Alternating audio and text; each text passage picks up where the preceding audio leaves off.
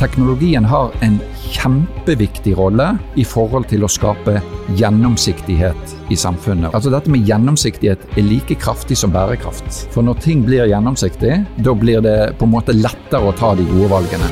Velkommen til podkastserien 'Teknologi og mennesker', laget av Athea og Oslo Business Forum. Vi har samlet de beste eksemplene på teknologi og digitalisering. Hvordan fikk de det til, og hva kan vi lære av dem? Da er vi tilbake med en ny sesong, og vi er faktisk kommet til sesong eh, fem. Eh, og jeg må også si at tusen takk til eh, alle dere. Vi har fått en del mail de siste måneden med etterlysning. Hvor blir av podden? Og nå er vi også endelig i gang. Navnet mitt er det samme, selv om jeg har fått et nytt mellomnavn, faktisk. Men Christian Brostan er navnet, og jeg jobber da i Athea. I denne episoden skal vi faktisk svare på det store spørsmålet hvordan kan næringslivet bidra til å nå klimamålene innen 2030. Og hvilke forretningsmuligheter ligger i overgangen til nullutslippssamfunnet. Det ble litt talefeil her. Sånn er livet. Eh, for noen uker siden så kom det en ny rapport eh, fra FNs klimapanel eh, som ikke var noe oppløftende lesning i det hele tatt. Og det er kode rød, som det heter, for menneskeheten, og klimaendringene går raskere. Så det er faktisk på tide å gire opp, og næringslivet må definitivt ta sin del av ansvaret. Vi har med oss to fantastiske gjester i dag, og det er jo en ære tenker jeg, å være med i åpningsepisoden. Det er Bjørn Kjæran Haugland, som er administrerende direktør i Skift. Eh, og så har vi vår egen Elisabeth Nissen Eide, som er bærekraftsjef i Athea Norge. Velkommen til dere. Takk. Eh, Bjørn, jeg tenkte, det er, ikke, det er ikke sikkert at alle våre lyttere kjenner til Skift. Hvem er dere? Ja, altså Skift er et uh, kraftløft i norsk næringsliv av norsk næringsliv for norsk næringsliv. Så det er de selskapene som vil mest i forhold til å drive en grønn, grønn omstilling av Norge. Som, som går sammen, eh, samarbeider om prosjekter, inspirerer hverandre, pusher hverandre. Så Noen ganger sier vi er som et treningssenter. Eh, du betaler for å være med, men du må gjøre hele jobben selv. Men eh, Istedenfor at alle ligger og trener hver for seg, så, så trener vi sammen. Og, og, dermed så lærer vi fra hverandre, og vi blir kanskje litt uh, modigere sammen. Og uh, har ett formål, og det er å akselerere den grønne omstillingen av Norge. Fordi at vi tror at det er det som bygger konkurransekraft for norsk næringsliv. Mm. Og Det kommer vi litt tilbake til etterpå. Men jeg tenkte, eh, Elisabeth, eh, begrepet bærekraft er jo litt sånn wishy-washy kanskje for mange. Vi legger ofte litt forskjellige ting i det. Eh, så hvis du skal definere liksom bærekraft, så vi får rydda opp i det. Hva er det for noe? Jeg er glad vi begynner der, for det er så sjelden vi faktisk gjør det. Setter oss ned og definerer hva er det vi snakker om før vi dypdykker. da. Eh, så, så, jeg liker å bruke FNs definisjon i bærekraftsmålene, som består av tre deler. Det ene er klima og miljø, og mange stopper jo der, tror at det er hele begrepet, men det er ett av delene i begrepet bærekraft. Det andre er sosiale forhold, det må vi ha med, også for å nå klimamålene. Og så er det økonomi. Så klima og miljø, sosiale forhold og økonomi er de tre elementene i begrepet bærekraft, slik FN definerer det. Og så kan Bjørn eh, utfylle her. Nei, nei altså, du, du, har jo helt, helt rett. Uh, men, men, jeg tenker også at uh, det som altså, Gro Harlem Brundtland hun, hun lagde en rapport tilbake i 1987 som heter 'Vår felles fremtid'. Og, og, Da formulerte hun det på en måte litt enklere i den forstand å si det at uh, det, det, handler om liksom, Du må ha et generasjonsperspektiv. Altså at én generasjon må leve på en sånn måte at du tilrettelegger for neste generasjon for, for liksom å også ha et godt liv. Så, så, så det syns jeg er veldig sånn inspirerende å tenke på. For det, det er jo noe som uh, vi har lært gjennom uh, uh, lang tid i Norge. Du skal overlate gården i, i helst litt bedre forstand enn du overtar den. Så, så, det, så, dette handler jo om store linjer, lange linjer, og det med at du skal tilrettelegge for de som kommer etter oss til å, å ha gode liv. Mm. Eh, du skriver mange kronikker, Bjørn. så jeg tenkte, eh, og du har, du har sagt at vi er inne i handlingens tiår. Og det låter jo liksom litt befriende, da. Og du skriver at vi ser økende handlingsevne, men fremdeles hos for få. Eh, hva er problemene? Er det, er det litt tregt i næringslivet? Jeg må først bare korrigere det. for Det er mulig jeg har sagt dette med handlingens tiår, men det er altså FNs generalsekretær som har på en måte sagt det om det tiåret vi, vi er inne i. Så Beklager, vi får, vi får gi han, han krediten på det. Men, eh, Men, men, det er klart vi skal gjennom en, en stor omstilling. Vi, vi, har satt oss ganske tydelige mål. Det har Norge gjort, det har Europa gjort, og det har verden gjort. Og uh, det har vi gjort lenge, på en måte. Uh, og i, i, Norge har vi ikke klart å, å, bevege oss fort nok mot de målene. Sånn at alle kurver vi skal liksom følge for å nå klimamålene våre i 2030, de blir liksom brattere og brattere for hvert år. Mm. Uh, og Det betyr at vi, da gjør vi ikke nok. Eh, så finnes det veldig mange gode eksempler i næringslivet på bedrifter som gjør veldig mye bra. Men jeg tror liksom sånn bredt så, så går det for seint. Vi gjør ikke nok, eh, og vi, vi, beveger oss ikke fort nok. Og det er jeg helt enig i. Vi er nødt til å gjøre enormt mye mer. Og det er derfor denne diskusjonen om norsk næringsliv, og kanskje også globalt næringsliv, er ekstremt viktig. Som du sier, vi må tenke de lange linjene. Eh, spesielt, altså Næringslivet spesielt er jo ofte kortsiktig profitt, eller har historisk sett vært det. Hvordan får vi næringslivet til å omstille seg til å også tenke de lange linjene og neste generasjon osv. Det er jo kjempeinteressant. Men et eksempel på at handlingens tiår begynte i fjor, er en rapport som PwC kom med eh, hvert år, hvor de går gjennom de 100 største selskapene på Oslo Børs. Eh, I 2019 var det 12% av de selskapene som hadde bærekraft inkorporert i sin forretningsmodell. Men i 2020 så økte det tallet fra 12% til 30% Altså Det skjedde så enormt mye i 2020, på tross av at vi var midt i en pandemi som man var redd for skulle sakke ned farten i næringslivet. Eh, men heldigvis så klarte vi å opprettholde i hvert fall noe av den farten. Og jeg er helt sikker på at det tallet for 2021 og 2022, andelen selskaper som tar dette inn i forretningsmodellen sin, strategien sin, kommer til å øke helt enormt. Også pga. etterspørsel fra kunder. da. Ja.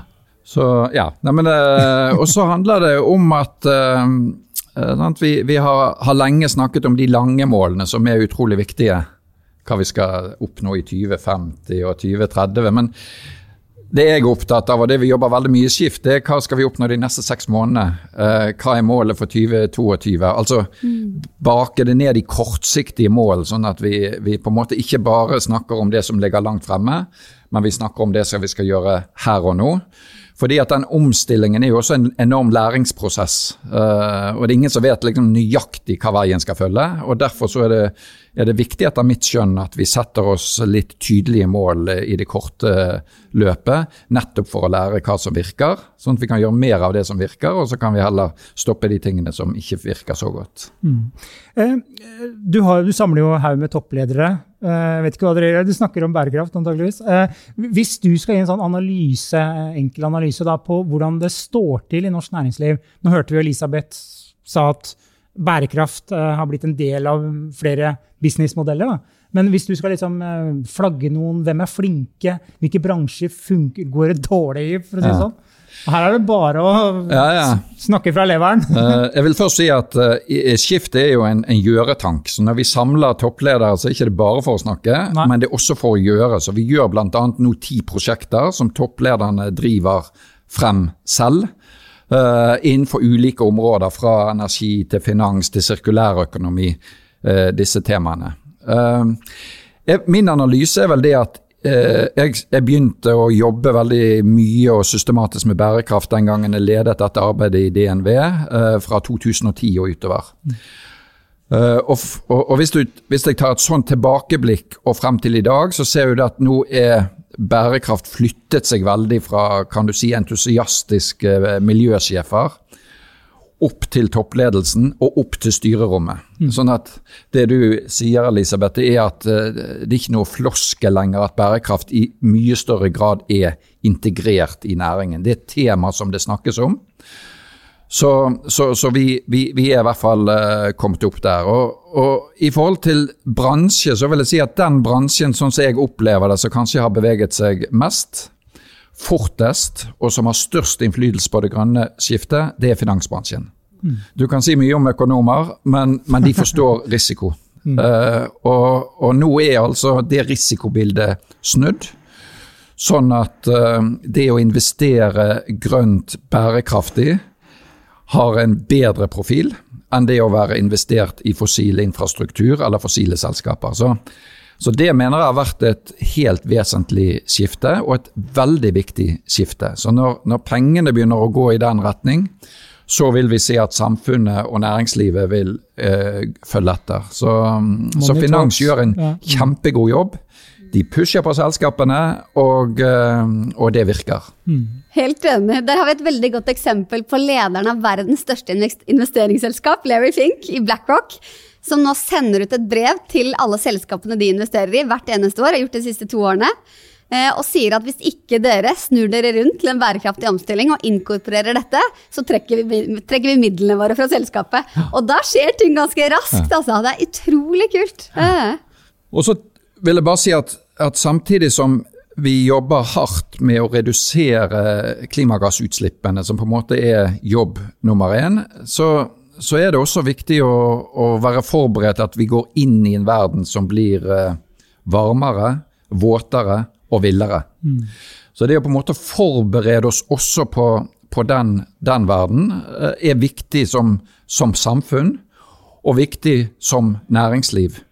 Og det er jo også sånn at i og med at vi ligger så langt nord som vi gjør, og vi har Svalbard som nærmest er et laboratorie på klimaendringer, der har temperaturen allerede steget eh, fire grader, ja, så kan vi også eh, kan si, ligge først i løypen med å gjøre se forretningsmuligheter i den omstillingen som der, som er fysisk eh, klimarisiko. Så, sånn at det er viktig å ha begge de to kan du si, perspektivene når vi skal jobbe med klimaomstilling. Og jeg synes du sa et veldig godt ord der, klimarisiko. Eh, For det er noe flere og flere i næringslivet nå har begynt å ta inn over seg. Men jeg tror mange fremdeles ikke har forstått helt hvor enormt viktig det er da, eh, å se se fremover. Hva er det vi må endre med oss for å håndtere de risikoene som kommer fremover? Ikke sant? Med globale logistikkjeder osv. Eh, som kommer til å bli påvirket av ekstremvær. Eh, ikke sant? Alt vi har av eh, kyst blant annet, og kystindustri. Eh, disse tingene, altså alle disse næringene kommer til å bli påvirket av klimaendringene. Ja. Og så sier jo FN da i sin siste rapport, eh, som alle må lese opp på Det er jo 200 forskere på tvers av verdens land som har lest gjennom noe sånt som 14 000 forskningsartikler og analyser, eh, og sett helt, helt, helt bredt eh, på, på hvordan, hvordan er status i dag, og hvordan er dette historisk. Eh, og det de sier om havstigning, blant annet. De har sett på ulike scenarioer på hvor varm verden kan bli. Så hvis vi klarer 1,5, minimum 2 grader, så har vi rundt 2-6 meter havstigning. Eh, mens eh, hvis vi er opp mot 3-5 eh, graders oppvarming, som vi hvis vi ikke gjør noen endringer, kan lande på, så er vi opp til 22 meter. Det er helt enormt mye. Jeg har vært inne på Havforskningsinstituttet sine nettsider, hvor man kan faktisk se hvilken deler av Norge som da vil ligge under vann. Og så er det ikke sånn at vi skal drive skremselspropaganda, men jeg håper jo at dette kan bidra til å motivere til å faktisk snu seg rundt. At man forstår alvoret i dette etter den siste klimarapporten. Ja, hva var reaksjonen på klimarapporten? Hva, hva tenkte du, Bjørn, når du den kode rød for menneskeheten? Ja, Ganske altså, alvorlig. Den er alvorlig, og så er det jo på en måte ikke noe sånn helt nytt som kommer i den rapporten. Det har vært lignende analyser tidligere. Det, det som er nytt, det er jo det at den prosessen eh, FN kjører med disse eh, rapportene, det er som du sier, sånn Det, det er mange som skal bli enige om formuleringene. Sånn at når, når FN sier det, ja så er det eh, basert på en veldig bred enighet eh, globalt, eh, og, og blant vitenskapsmenn globalt. Sånn at, at det er kanskje det som gjør mest inntrykk. At, eh, at eh, du har liksom tatt vekk mye mer usikkerhet som har lagt i tidligere rapporter. Og FN er blitt mer, mer, mer tydelig. Så, men det er viktig å være tydelig, tenker jeg. Um, og eh, det er jo et fantastisk arbeid etter mitt skjønn som har vært gjort der eh, blant eh, forskere og vitenskapsmenn, som på en måte både kan faget, men også har klart å, å forene seg om, om formuleringer som de alle står bak. Og rapporten kom jo gliende inn fra Venstre i valgkampen også. Eh, og det påvirket jo valget, tydeligvis. fordi det var jo flere partier som eh, ikke kanskje trodde på menneskeskapte endringer, da, som plutselig begynte å snakke om klima. Så Vi skal ikke slå det fast her i dag, altså, men, men eh, det var jo for første gang eh, Det var fem-seks år siden forrige rapport kom. Da var det ikke på forsiden av alle aviser, for å si det sånn. Det var det nå. Det var så gøy å se. Det ble så varmet hjerte da jeg så det. Og, ja, og, det, også, og det er jo det som er viktig. Sant? Altså det, det å få det opp på topp av samfunnsdiskusjonen, på en måte samfunnsdebatten. Uh, for dette er, dette er, ikke noen omstilling som noen bedrifter eller noen politiske partier klarer liksom å, å gjennomføre alene. Det må, det må, gjøres i lag, og da må på en måte hele laget på en måte jobbe med dette. her. Mm. Så, så, Derfor er disse rapportene fra FN uh, veldig viktige. Uh, fordi det selvsagt åpenbart også er et globalt problem. og da syns jeg at den siste rapporten kom inn i vår valgkamp, men eh, han har jammen meg kommet inn i ganske mange valgkamper og politiske diskusjoner og næringslivsdiskusjoner over hele verden. Mm.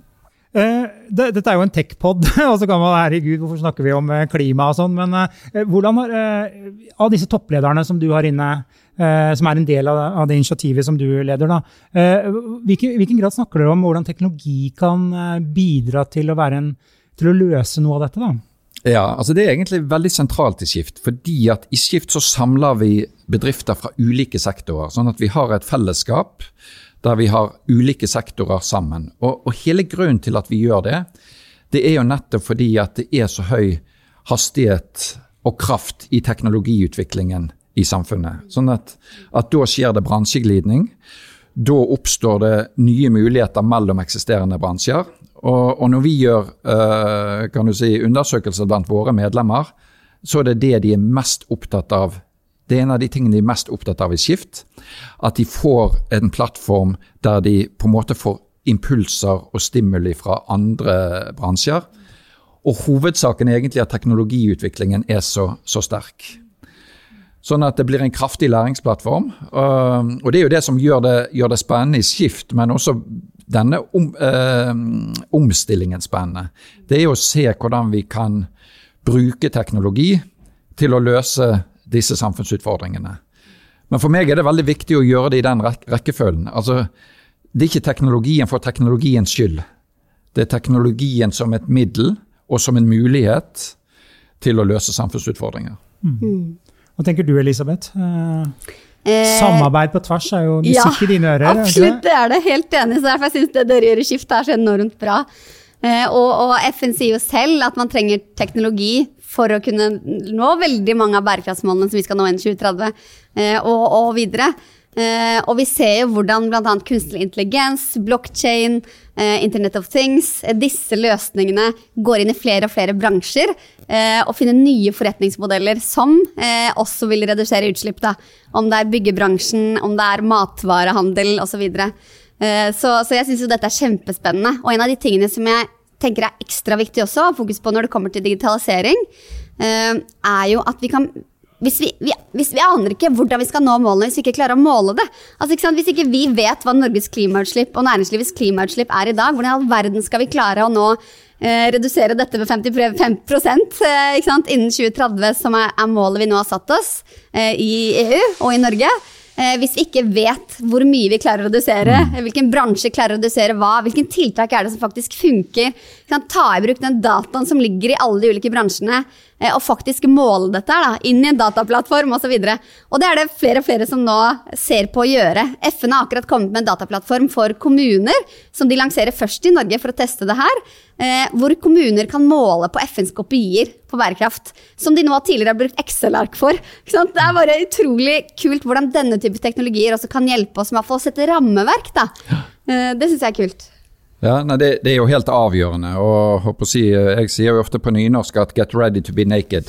Altså, Næringslivet må, må, må, på en måte forberede seg på å bli mye mye mer gjennomsiktig. Uh, åpenbart rundt eh, klimautslipp. I, I, Skift så må alle som er med rapportere både på direkte og indirekte utslipp. Vi må sette mål i forhold til 1,5 graders uh, fremtid. Må rapportere i forhold til TCFD. Hele greia er jo det at vi ønsker å være gjennomsiktige, fordi at da kan vi også se på forbedringer. Men dette handler jo om hvordan vi bruker teknologien gjennom lange verdikjeder. Uh, for å ta gode og informerte valg. Sånn at du som forbruker kan ta gode valg, sånn at politikere kan ta gode valg, og bedrifter tar gode valg. Så teknologien har en kjempeviktig rolle i forhold til å skape gjennomsiktighet i samfunnet. Og det er jo på en måte nesten like Altså dette med gjennomsiktighet er like kraftig som bærekraft. Mm. For når ting blir gjennomsiktig, eh, da blir det på en måte lettere å ta de gode valgene. Sånn, nå har vi store diskusjoner om veiutbygging i Norge. Det er jo klart liksom, at, at, at, vi i, i 2021 plutselig snakker om klimautslipp fra myrer. Altså Dette har jo forskere visst i, i ualminnelige tider at det ikke er bra. Men vi har ikke lyttet til det. Vi har ikke tatt uh, avgjørelser uh, på det. Sånn at, at, Det å se disse sammenhengene sant? Det hjelper ikke å ha en elektrisk fiske, en, en elektrisk tråler hvis trålen drar, eh, på en måte drar opp hele havbunnen som slipper ut masse, masse CO2. Så vi må se mye mer helhetlig på det. Sannheten finnes i helheten, og teknologi har en veldig avgjørende rolle i å få frem den helheten. Mm. Helt enig. Det er musikk i mine ører å tenke helhetlig på den måten der. Og så ser vi jo at digitaliseringen som har skjedd under pandemien nå, har jo redusert utslipp. Ja. Uh, I Norge hadde vi vel redusert utslipp på 6,4% eller det var globalt. Uh, og vi vet at eh, skal vi nå målene, så må vi redusere med 7,6% hvert år. Altså mer enn vi har gjort under pandemien. Uh, hvor vi alle har blitt digitale og sluttet å reise. Og teknologien har hjulpet oss med å redusere utslipp. Men ingen av oss har lyst til å leve i en pandemi. Så vi må finne en annen måte å redusere disse utslippene på. og komme tilbake til en ny normal da, enn det vi hadde før pandemien. Og det handler jo kanskje i stor grad om å bli mye mer ressurseffektive. Altså, vi i Norge vi klapper oss på skulderen. Liksom, vi, vi, er så stolte av alle elbilene våre. Men vet, de fleste har jo kjøpt seg en elbil i tillegg til den bilen de hadde fra før. det løser ingenting. Mm. Uh, så, så, vi må liksom komme, komme, forbi det. Vi må se hvor ressurseffektivt vi, vi, vi, lever. Vi må se på hele varestrømmen inn til Norge. Når vi ser på vårt klimaregnskap, så ser vi bare på utslipp i Norge. Sant? Oslo er, er, Europas miljøhovedstad. Ja, men det er enkelt, det. er Når all industrien er flyttet til, til Øst-Europa. Mm. Så vi må se på import av utslipp. Yes. Vi må se på direkte utslipp. Og vi må se på eh, eksport av utslipp. Så, så, det med å få dette helhetssynet tror jeg er veldig viktig. Og igjen så håper jeg på dere at dere skal hjelpe med gode teknologiløsninger som gjør at samfunnsdebatten også blir mer informert når vi ser på hele bildet, og ikke bare på biter av bildet. Og det gjelder jo hvert enkelt selskap òg, der hvor man tidligere kanskje har rapportert på direkteutslipp, eh, som er bilene man kjører og byggene man har, og noen av de indirekte utslippene som er energien man forbruker på ulike måter. Eh, men man har ikke, det er ikke så mange nå som har tatt med det vi kaller Scope 3, som er de produktene du kjøper inn. Det må også med i klimaregnskapet. Selv om det ikke er du som produserer det og lager det, så må det fremdeles det er, det er du som er ansvarlig for de utslippene. Og det kommer i større og større grad at alle selskaper også må rapportere på dette. Og det betyr at de må stille krav til sine underleverandører og leverandører på hvordan skal dere være med og redusere utslippene i produktene med i hvert fall 55 Og stille de kravene nedover i verdikjedene. Hvis ikke så klarer man jo ikke dette her. Eh, du, du sa en ting, liksom, Bjørn, uh, utnytte ressursene bedre. og Da er vi inne på sirkulærøkonomi. Eh, uh, hvis man googler litt for å finne noen tall, så er de liksom forvirrende. så jeg tenker, Bjørn, du må hjelpe oss med å oppklare det her. Men det vi fant ut av at 97,6 av produktene vi omgir oss med, består av ingen resirkulerte materialer. Er det riktig forstått? Ja, altså det, jeg tror du, du viser til en sånn gap-analyse vi gjorde ja for et år tilbake. Eh, vi, vi fikk et institutt i Nederland til å gjøre det. Det heter Circle Economy. Og De bruker et rammeverk som de har brukt på både på verden og på en del europeiske land. Og, og I den analysen så, så, kom Norge veldig dårlig ut. Eh, som viser at vi har en økonomi som i stor grad er basert på nye materialer. Mm. Vi, vi, klarer liksom å gjen, ikke gjenbruke materialene. Så vi, vi eh, var 2,4% sirkulært, mens et land som Nederland var borti 25 og, og verden generelt var ca. 8,5% Så så kan vi sikkert diskutere disse prosentene litt frem og tilbake. Det viktigste for oss var å bruke et felles rammeverk, og, og der eh, har vi litt å gå på. Og så tenker jeg at det må vi bare snu til mulighet, for det er jo en mulighet for norsk samfunnsliv og norsk næringsliv til å forbedre seg. Og det som er fint rundt liksom, Eh, kan du si når du ser på forretningsmodeller rundt sirkulærøkonomi, er jo det at jo, jo, jo, jo, mer vi klarer å forbedre oss, jo mer effektive blir modellen også. Så dette her, eh, her går lønnsomhet og bærekraft virkelig hånd i hånd. Hvorfor er vi så dårlige hvis Nederland er over 20% og verdensgjennomsnittet var over 8 Hvorfor uh... Nei, altså Vi er jo et veldig rikt land. Ja. Uh, altså dette med, med, på en måte både bærekraft generelt og sirkulærøkonomi spesielt, så tror jeg vi kan like godt snakke med en bestemor og en bestefar og se litt på hvordan de lever. Mm. Uh, for de har ofte et mye mer utviklet forhold til de ressursene de bruker. De er vokst opp med knapphet på ressurser mm.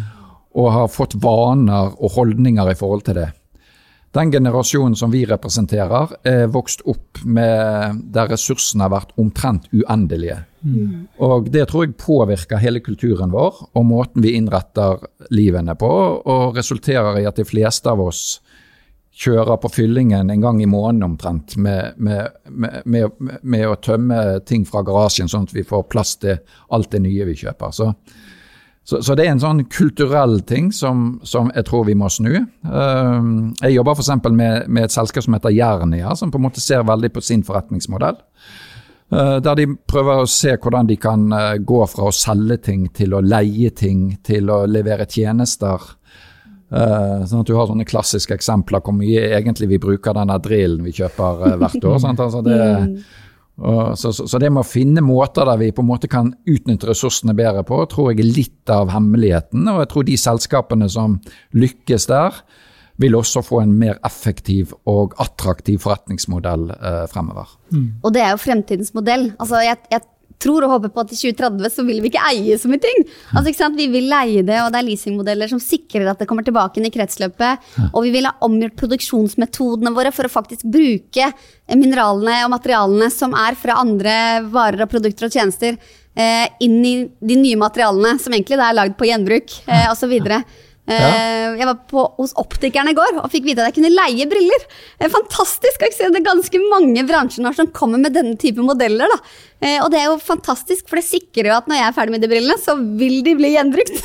og jeg fikk kjøpe brilleinnfatning i gjenbrukt materialer. Og, det er, det er, jeg tror det er mye som skjer nå i de fleste bransjer, og dette går ganske fort. altså.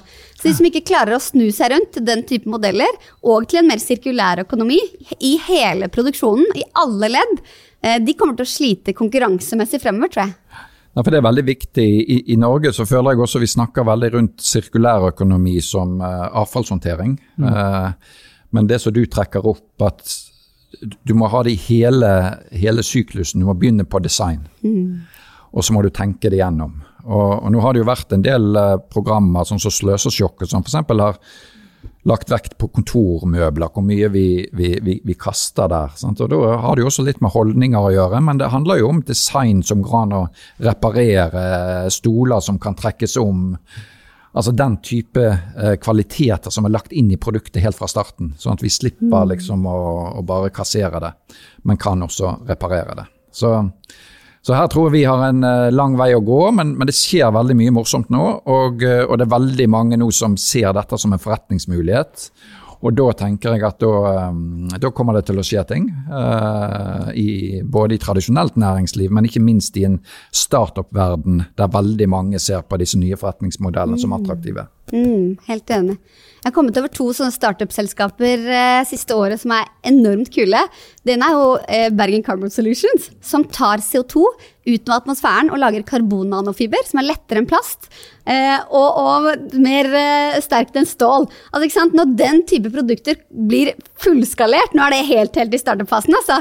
men, men, jeg tenker jo at når man får den type produkter, hvor man også kanskje kan binde CO2 da, i produktene eh, for å bli både klimanøytrale og klimapositive etter hvert, vil jo være kjempebra. Og så, og så kom jeg over til en, en annen startup uh, her, uh, hvor det er en av de tidligere toppsjefene i Google uh, som nå har startet et eget selskap som heter Norwegian Mycelium. Som bruker da rotstrukturen i sopp for å lage alternativer som er 100 nedbrytbare. Som kan erstatte isopor, annet. Og det kan gå inn i, i, både maten til oss mennesker og til dyr for å erstatte soya fra regnskogen. Altså Det er ganske mange sånne norske selskaper som kommer opp nå, som kommer til å være disruptive da, for hele markeder. Det er enormt kult at vi må heie på disse norske selskapene og få de opp og frem i verden. Og, og, og, jeg tror Mye av dette her handler om at du bare begynner å stille spørsmål til liksom sin egen måte å håndtere det på. Og når de spørsmålene liksom kommer fra styrerommet, kommer fra toppledelsen, ja, så begynner det å, å skje. Mm.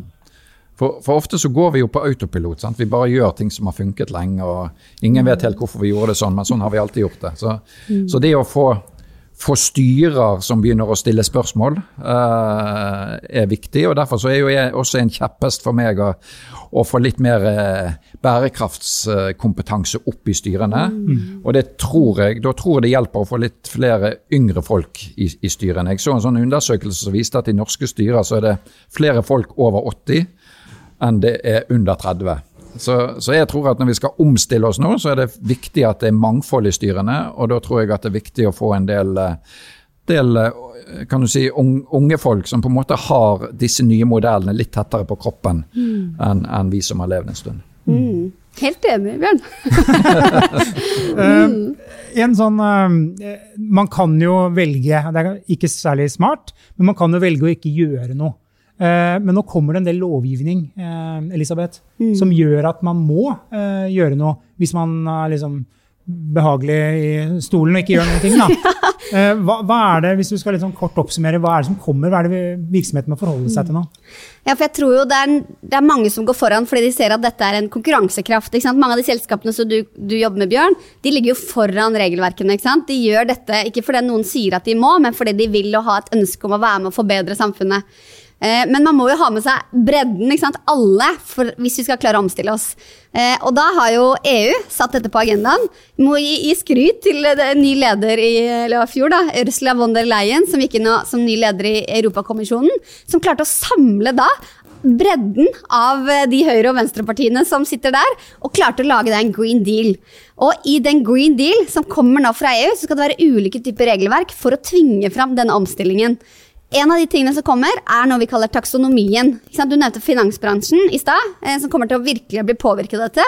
Og det betyr jo, for å, for å si det helt enkelt, der hvor alle tidligere har kunnet bruke begrepet bærekraft. Det står jo på nettsiden til de fleste selskaper i dag, men det er ekstremt vanskelig for forbrukere og også, også bedriftsinnkjøpere å vite hva er det egentlig dette betyr for dette selskapet. Da kommer kriterier fra EU hvor alle selskaper må da en, gå gjennom sin omsetning. De får en prosentandel på hva som faktisk kan kategoriseres som bærekraftig i den virksomheten. Dette er enormt spennende. Det er ikke alle kriteriesettene fra EU som er lansert ennå. De kommer nå i løpet av høsten og neste halvår. Eh, men dette her, det er store omveltninger som skjer. Så kom det jo også en norsk lov før sommeren, vedtatt av Stortinget, som kanskje gikk litt under radaren for mange i sommer, for det var rett før man gikk i sommerferie osv. Den heter åpenhetsloven. Eh, og den handler jo bl.a. om å designe for sirkularitet. Den handler om hele verdikjeden til et produkt. Alle som går ut og kjøper noe et eller annet sted, kan kunne stille spørsmål til de som selger det produktet. Hvordan er dette produktet produsert med hensyn til arbeidstakerrettigheter, menneskerettigheter og klima og miljø? Og da skal man svare. Og da har man ansvar for hele verdikjeden, uavhengig av hvor mange ledd det er tilbake. Og det er også ganske sånn disruptivt i Norge, og jeg tror det er ganske mange selskaper som ikke forstår omfanget av dette, og hva, hvilken informasjon de faktisk nå må ha på plass. Som de ikke har hatt på plass tidligere. Altså. Så, så, jeg heier jo på mange av disse regelverkene, men jeg tror vi må snakke mye mer om det for at norsk næringsliv, bredden av norsk næringsliv nå skal forstå hvilken endring som kommer til å bli pushet frem av regelverkene, hvis man ikke allerede har begynt på den omstillingen. Ja. Og, og, og, her er det jo viktig og det liksom er jo veldig sånn sentralt for oss i Skift. Sant? Og, hele tiden eh, innse at det, det, er en stor omstilling som går foran oss. Det gjelder å bygge kompetanse tidlig for å på en måte ta de riktige valgene eh, fort nok, og, og gjerne litt, litt, før konkurrentene har skjønt det. på en måte. Altså, det, det, er på en måte helt sånn, sånn basic, tenker jeg, at, uh, at når det er en stor omstilling, så altså må du ligge litt foran i skoen. Sørge for at du har god kompetanse internt, og sørge for at du har et godt nettverk rundt deg. Og, og, og liksom, hvis du skal liksom forenkle litt det som er i ferd med å skje, det er jo det at bedriftene i mye større grad må drive stakeholder uh, management, uh, og ikke bare shareholder management. Så, så, bedriftene må forstå at de er en del av, av, samfunnet. Og Der tror jeg også mye av innovasjonskraften ligger. Det med å jobbe godt med kunder, det å jobbe godt med leverandører, og gjøre innovasjon sammen som, som nettverk. Det tror jeg blir et helt avgjørende grep for uh, norske bedriftsledere å skjønne. Det er ikke lenger utviklingsavdelingen som kommer til å finne på alt. Du må jobbe mye mer på systemendringer, og du må på en måte se deg selv i hele verdikjeden. Og invitere både brukere, kunder, eh, leverandører med på den innovasjonsreisen. Mm. Og som bærekraftsjef kan jeg si at det holder ikke nå for et selskap å ansette en bærekraftsjef et sted i organisasjonen, og så sitter man der. Altså, Man må jobbe på tvers. Altså. Man må ha med alle avdelinger. Man må ha med konsulentene sine, man må ha med salgsavdelingene sine, man må ha forretningsutvikling, man må ha med logistikk. Man må ha med sant, hele bredden, som du sier. Kjempespennende arbeid. Så å jobbe på tvers er et veldig viktig nøkkelord her. Mm. Jeg tenkte... Um det er jo ikke alle virksomheter som har en Bjørn eller en Elisabeth. Vi har mange, altså, Norsk næringsliv er små, mellomstore bedrifter. og En overvekt av små. Hvordan i alle dager skal de ta tak i dette? Eh, du snakket litt om kompetanse, Bjørn, i styrer osv. Men eh, hva, hva, har du noen små virksomhetsledere i din uh, ring? Absolutt. Vi, vi, har både små og store, selv om jeg nok har en overvekt på de store. Men det er klart at når jeg jobber med de store, så er jeg veldig opptatt av at Eh, litt sånn som med Pippi Langstrøm. Altså når du er stor og sterk, så er det også viktig at du er snill eh, og, og oppfører deg ordentlig. Og, og, en del av dette går jo på at store aktører som sagt har en stor skog av underleverandører. Eh, sånn at det at, at, de store går foran og involverer leverandørkjeden sin på en klok måte, tenker jeg er veldig viktig. Uh, tenke at hvordan en, for det at en stor aktør har, har bare fordeler av at underleverandørene også er gode. Mm. Så, sånn at, uh, at, de som sitter på kompetanse, på en måte jobber tett og aktivt med, med leverandørkjeden, er, er viktig. Uh, og så er det sånn at hvis det hvis jeg møter små virksomheter, så er det tre ting jeg, sier til de som er viktige. Det, det ene er jo liksom å begynne, å, begynne liksom å lage seg en god status. Hvor, hvor står de? Sånn at de har, eh, har på en måte vet klimautslippene, både liksom det du sier, direkte utslipp, indirekte utslipp. Liksom får, orden på det. Uh, og så må de begynne å sette seg mål. Langsiktige mål og kortsiktige mål, sånn at du liksom har noe å jobbe mot. Og så det tredje er på en måte å, å få dette perspektivet, at de også må på en måte jobbe. Sant? Finnes et nettverk som de kan være del av. Uh, Se hvordan de kan samarbeide med sine kunder på en god måte. Altså Skjønne det at dette løser vi ikke alene, dette løser vi i samarbeid. Og finne de samarbeidspartnerne som, eh, som de kan jobbe tett med. Og da være åpne på, på det de får til, eh, og eh, stille spørsmål med det de, de, sliter med. Sånn at en også er veldig sånn åpne på de dilemmaene en, en, en har. Mm. Og her tror jeg også at, at, som du sier, dette med samarbeid, Vi har jo en del organisasjoner i Norge som kan bistå med å legge til rette for mer kompetanse, bistand. Vi har SMB Norge, vi har Digital Norway. Eh, vi har jo ulike interesseorganisasjoner som kan bistå her. Eh, hvordan, hvordan, legge noen av de Helt enig i det du sier, man må finne ut hva er viktigst for de som virksomhet, uansett hvor store eller små de er. Hvor er det de kan ha størst mulig impact? De kan, de kan, gjerne flytte til grønn strøm hvis de ikke gjør noe med produksjonen sin. Måte, så, så er, man, er kanskje der man burde starte. Da. Eh, selv om man burde se på både driften og produksjon. Eh, uansett om man lager boller eller pizzaer eller lager materiell og verktøy eller hva man gjør. da. Og, og, og, så er det også viktig å tenke på at det er noen fordeler når du er stor, og så er det noen fordeler når du er små. Mm. Ofte så i hvert fall sånn, bedrifter som, vært, som, er store, som har vært rundt i 100 år. Sant? Det er ofte de vi liksom løfter opp, og det er jo kjempeflott. Men de har noen ganger ganske sånn tung eh, ballast eller ryggsekk med, med gammel kompetanse.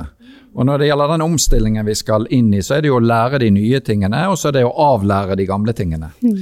Og Der er det jo kanskje en mindre bedrift, en, en yngre bedrift, har fordeler. Sånn at eh, når jeg snakker med små bedrifter, så, så begynner det å si at ja, men, prøv å finne et annet narrativ enn å beskrive deg selv som liten. Uh, fordi at du må se på fordelen med å være små. Og, og i en omstilling så, så, kan det være vesentlig i forhold til de som på en måte skal både lære og avlære en tung og stor eh, organisasjon. Mm. Vi nærmer oss slutten her, eh, så jeg tenkte eh, sånn avslutningsvis spørre dere er dere optimistiske. Vil næringslivet ta sin del? Hva tror du, Bjørn? Ja, jeg er, jeg er, veldig optimistisk. og jeg mener Norsk næringsliv har de aller beste forutsetningene. Vi har uh, høy kompetanse. Vi har en arbeidsstokk som er, er motivert, som er flink. Og jeg, jeg syns også gjennom pandemien har vi vist oss veldig omstillingsdyktig. Men det aller viktigste er på en måte det vi var vitne til uh, i går. Uh, altså de, de, demokratiske prosessene vi, vi, har i Norge. Vi har et samfunn basert på tillit. Mm. Vi har kort avstand mellom de som har makt og ulike liksom, uh, si, funksjoner og institusjoner i samfunnet. Og det å ha et samfunn med høy tillit, det tilrettelegger for innovasjon så, og omstilling. Så, så, på vegne av norsk næringsliv så, så, er jeg helt sikker på at vi kommer til å klare denne omstillingen på en veldig god måte. Jeg er ikke bekymret for alle de som snakker om hva er de nye jobbene i 2050. Eh, så lenge vi investerer i gode skoler, gode universiteter og beholder den tilliten i, i samfunnet vårt, ja, så kommer vi til å klare denne omstillingen veldig bra. Mm. Jeg er helt enig, jeg er veldig optimistisk. Altså både pga. de politiske strømningene, som du sier, regelverkene som kommer nå, som kommer til å pushe bredden av norsk næringsliv og europeisk næringsliv. Eh, men også pga. det personlige engasjementet folk nå begynner å få. Veldig mange begynner å bli engasjert i dette her. Og de sitter jo i virksomheter rundt omkring i Norge og tar dem inn i styrerommene og ledelse og i alle deler av produksjon og tjenester osv. Så, videre. så jeg er kjempeoptimistisk. Jeg har fullt tro på at dette kommer vi til å klare. I Norge og resten av verden. Nydelig. Eh, I denne poden har vi jo et, eh, en fast post, så nå skal vi bevege oss over i den. Og det er dilemmaer. Digitale vaner. Bli kjent med gjestene ved å snoke deres digitale liv. Hva gjør de egentlig på nettet? Hvilke favorittapper har de? Er det streaming eller linær-TV som gjelder? TikTok eller Snapchat? Vi spør i Teknologi og mennesker. Så det, det ser litt sjokkert ut. Alle gjester gjør det. Eh, så greia er da at du får eh, to alternativer, og så skal du velge ett av de. Eh, og det er veldig snille alternativer, da, så det er ikke noe å frykte her. Så da starter vi med deg, Elisabeth. Nettbutikk eller fysisk butikk? Jeg kjøper mest brukt, og det er veldig godt utvalg på nettet, så nettbutikk. Bjørn? Jeg er nok mer på fysisk. Fysisk butikk. Du tråler butikkene? Men jeg, jeg handler veldig lite, men, men, det er nå der jeg er. Ja. Uh, seriefråtsing eller én episode i uka? Ja, jeg har uh, Jeg tror ikke jeg har én episode en gang i uken, så jeg er nok i hvert fall på det alternativet der. Ja. Men uh, ja. ja. Hva med deg, Elisabeth? Seriefråtsing. Ja. Eh, det er min go to avslapping. så jeg er mann binger i helger. Mm. Emoji eller tekst? Tekst. Spriter du opp litt? Med en emoji eller to? Ja, jeg, jeg gjør nok det, da. Ja. Men, uh, men, jeg er sånn som skriver 'hilsen Bjørn' på tekstmeldingene. Så, ah, så jeg får av og til tilbakemeldinger om at uh, de tror de får en tekstmelding fra en som er 90 år. det, det høres veldig hyggelig ut å hilse i tekstmelding. Jeg må nok si emoji. Uh, det siste er, Bjørn. Instagram eller TikTok? Instagram. Instagram. Er du på TikTok? Instagram. Instagram, ja. Absolutt. Absolutt. Ikke TikTok der heller? Jo, jeg, jeg ser litt inne, innimellom, men Instagram liker jeg veldig godt. Altså. Men, men jeg, jeg, er jo ganske aktiv på sosiale medier. Jeg skal si at jeg har liksom utfordret det teamet mitt som jobber med, med, med, veldig flinke folk, om ikke vi burde gjøre noe på TikTok. Ja. Uh, men har liksom ikke helt uh, fått, uh, fått liksom, god feedback på det. Så, mm. så kanskje nå, nå, minner du meg på at nå skal jeg ta den diskusjonen opp igjen. Ja, ja. Da gleder jeg meg til å se skitt ja, på TikTok i morgen. Eller kanskje neste uke. Jeg kan få en uke på dere. En eh, siste, uh, Bjørn. Uh, smarthjem eller bare hjem? Uh, bare hjem. Bare hjem. Og, og, jeg vil bare si litt. Altså, jeg, jeg, jeg, jeg, liker ikke dette begrepet smart by og smart hjem. Jeg liker begrepet gode byer og gode hjem. Mm. Og så kan de være, gjerne være smarte hvis de gjør de gode. Men, men, igjen, det er i den rekkefølgen. Det er hesten foran vognen, og ikke vognen foran hesten. Ja. jeg er jo helt enig. Og tenker Noe av poenget med smarte løsninger er å gjøre det bedre for folk. Eh, I tillegg til at det kan bistå med å redusere utslipp osv. Så, videre. så Så jeg kan si smarte og gode hjem, da. Ja. Veldig bra. Eh, Bjørn og Elisabeth, tusen takk for at dere kunne være med. Og tusen takk til du som har sett på, for vi har jo livestreamet dette. Eh, og du som da har lyttet på i etterkant. Du har nå lyttet til Teknologi og mennesker, laget av Athea og Oslo Business Forum. Liker du podkasten, setter vi stor pris på om du gir oss noen stjerner. Og tips gjerne en venn om podkasten.